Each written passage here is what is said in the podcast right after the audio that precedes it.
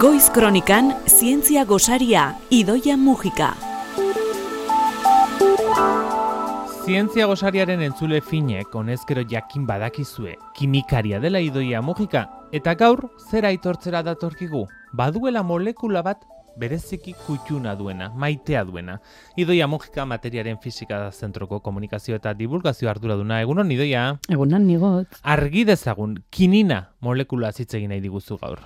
Bai, bueno, ezakit zuek inoiz pentsatu alde zuen zein dan zuen molekula maitekoena. Ba, pentsatu behar, behar bada ez, ez zaude... E, ez, behar bada ez dugu kimikari burmuina, ez? ez. bueno, nik, nik oso argi daukat eta esan ez bezala kinina da. E, kinina izan behar da nire molekula. Mm, sei urte eman nituen tesi egiten berarekin, nik katalizatzaile bezala erabiltzen nun, bla, bla, bla. Baina baitan ere bizitzan beste momentu batean, ba, ba oso garrantzitsua izan zan molekula izan zan. Ze, Senegalera jo nintzen Afrikan, eta gaixotu nintzen, eta malaria nuela esan zidaten, eta malaria tratatzeko kinina jarri zidaten. Gaina korratzen nahi izango medikoak esaten ziala, ni galdetu nion, zer jarriko didazu, eta beak, bueno, esango izut, baina, bueno, eta esan zidan kinina, eta esan benetan, eta, eta bueno, parre pixka bat egin genuen ni eta nere lagunak zebeak ere bazekian kinina zertzan niretzako eta orduan ja ba, ba, biziki maite detela esan dezaketo zenki. Ba, lehenengo argitu ezagun, zer da kinina? Bueno, ba, kinina berez molekula bezala usten badegu zinkona generoko zuaitzetan azalean dagoen alkaloideetako indartsuena da. Alkaloideak molekula mota batzu dira. Eta zuaitz batean, zegoratu naturatik ateratzen bai. ditugula kimikari eta farmako gehienak, ba, hor alkaloide horietatik kinina da indartsuena eta zinkona a, zuaitzetik ateratzen da. Hogeita hiru espezi inguru ezagutzen ditugu eta guztiak Amerikan kokatzen dira, Ego Amerikan, handeetako e, ekialdeko mendikatean hasten dira. Kinina, malariaren aurkako botika bakarra, urte askoz botika indartsuena eta ezagutzen zen bakarra izan zen. Eta malaria ba ez dakit jakingo zuen, baina historiako gaixotasun ilgarrinetako bada. Beraz oso oso baliotsua zen. Malariaren lareunda berrogeita mar parasito mota baino gehiago ezagutzen dira. Eta lareunda larogei eltxo espezie anofeletatik irurogei tamarrek inokulatzen dute. Jakin behar dezute, malaria transmititzeko beharrezkoa da eltxo batzek txistatzea. Eltxoak eramaten du parasitoa eta sartu egiten dizu barrura. Eltxo guzti horietatik bostek bakarrik eragiten diete gizakiei. Baina hori nekoa da, malariak hogeita mar segundutik behin pertsona bat hiltzeko. Aurtengo datuak dira. Orain Aurten, eh? Bai. Hogeita mar segundutik behin oraindik malaria pertsona bat Bai, hildako gehienak Afrikan gelitzen dira, gertatzen dira oraindik noski Espainian adibidez, mila beharatziren deruro lauetik desagertutzat eman zan, baina oraindik ere, esan bezala, Afrikan urtero milaka pertsona hiltzen dira, eta gaina horietatik gehienak aurrak dira ze malariak sortutako gaixotasunak gehien bat ba, tripako ematen dizu berakoa eta deshidratatu egiten dira eta umek pairatzen duten gehienen. Afrikako osasun sistemaren eta mundu honen antolakuntzaren berri ere ematen digu, ez? Bai, bai. Gaina jakinda ba, badaukala erremedioa, ez? Kinina bera, e, erabiltzearekin nahikoa izaten da, baina kinina hori iritsi behar da, iritsi behar da lekuetara beti bezala. Aristokraziaren molekula ere badela diozu. Bai, historia dauka molekula honek, ze bere garaian, ez egiten inundik inora, kinina zegoela horren atzetik, baina Ego Ameriketan zegoen jendea, ba, mila seireun da irurogeita irugarren urtean gokatu beharko geneteke, hango jesuita mojek ikusi zuten, bertakoak, indioak, zuaitz batetik ateratzen zuten, Ba, e, pentsa noizti zekiten, eh? Bai, bazekiten hor bazegoela zerbait eta zuaitz horrekin lotuta zegoela. Bertako indigenek jada erabiltzen zutela zuaitz horretako azalaren Eoa, bai. Txikita, azala txikituta, txikituta hori da, azala txikituta, eta... Malaria sendatzeko. Hori da, mal, bueno, malaria zelare ez ekiten, ditzen bai. zioten, zingiretako gaixotasuna, sukarra. Ez debiltzaten gaizki, ze azken finean zingiretan dan algigu eltsoak e, egoten dirala, eta jakin gabe ere, baltsoetatik zetorren, orduan, zingiren guruan sortzen zen ekosistema horretan oso erraz transmititzen zen malaria. Eta kina, kina, ditzen zioten, hau eta horrekin sendatu egiten zuten. Esaten du kondairak, txintxongo kondesak, Ana de Osorio, peruko erregeordearen emaztea, eriotza salbatzeko garai hartan zingiretako sukarra deitzen zen gaixotasun hori, zuaitza berabiliz edo kina kina hautsa berabiliz sendatu zutela. Esaten dutenez, kondesa Espainiara itzuli zen eta sukarrak sendatzeko erabiltza gomendatu zuen eta horrela kondesaren hautsa deitzea pasazan. Kondaira hau, gaur egun ez da oso...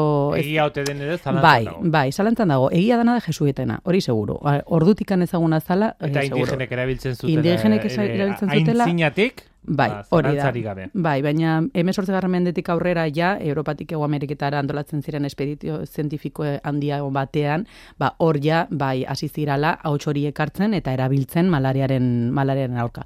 Eta adi, honekin agian beste askoren kutxun ere bihurtuko da molekula hau.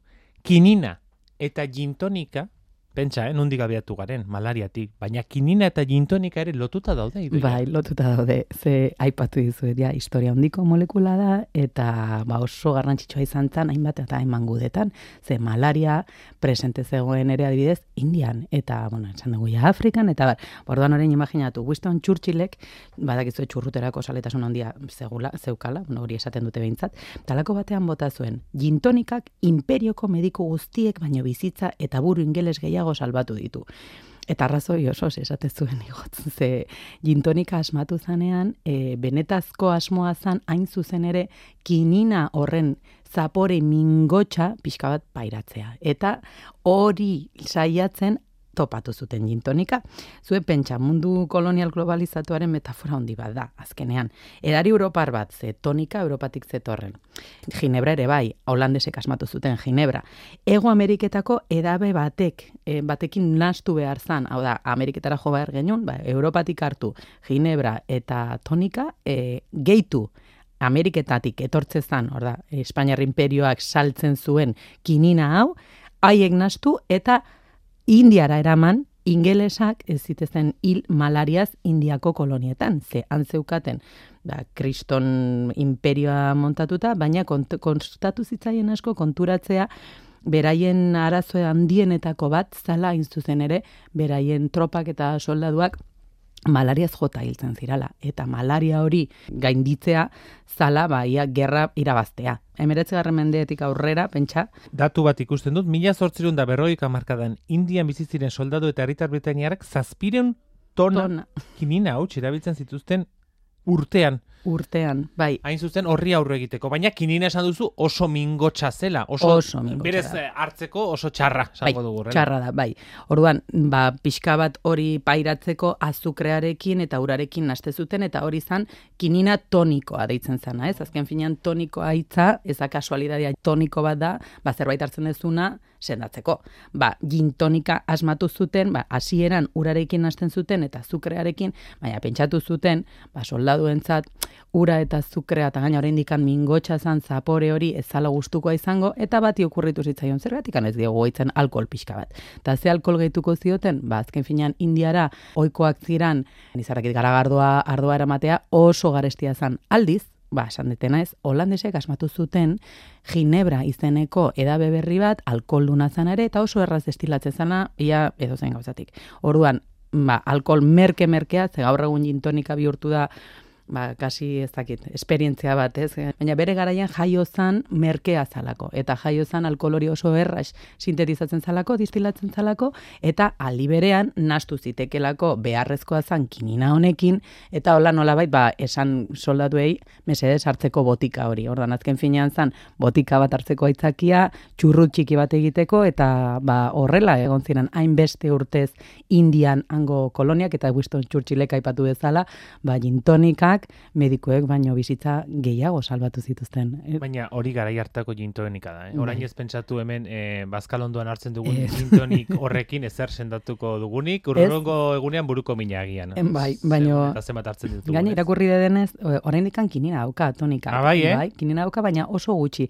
Baina konturatzen bazeate, ba, ez dakit, ibiltzen bazeate gauetan eta diskoteketan argi urdin hori jartzen danean, gintonikak dizdira egiten du. Gintonik batzuk, ba, jartzen ditugola argitan, eta bapatean dizdira bat sortzen da, hori kinina da. Hori e, kininaren efektu bada. Beraz, Ultramore- oraindik badauka kinina. Oraindik badauka kinina. Eta ikusten badezute hori intoni bat eskatu eta urri eh, argi ilun hori alri ultramorea izaten dela normalean.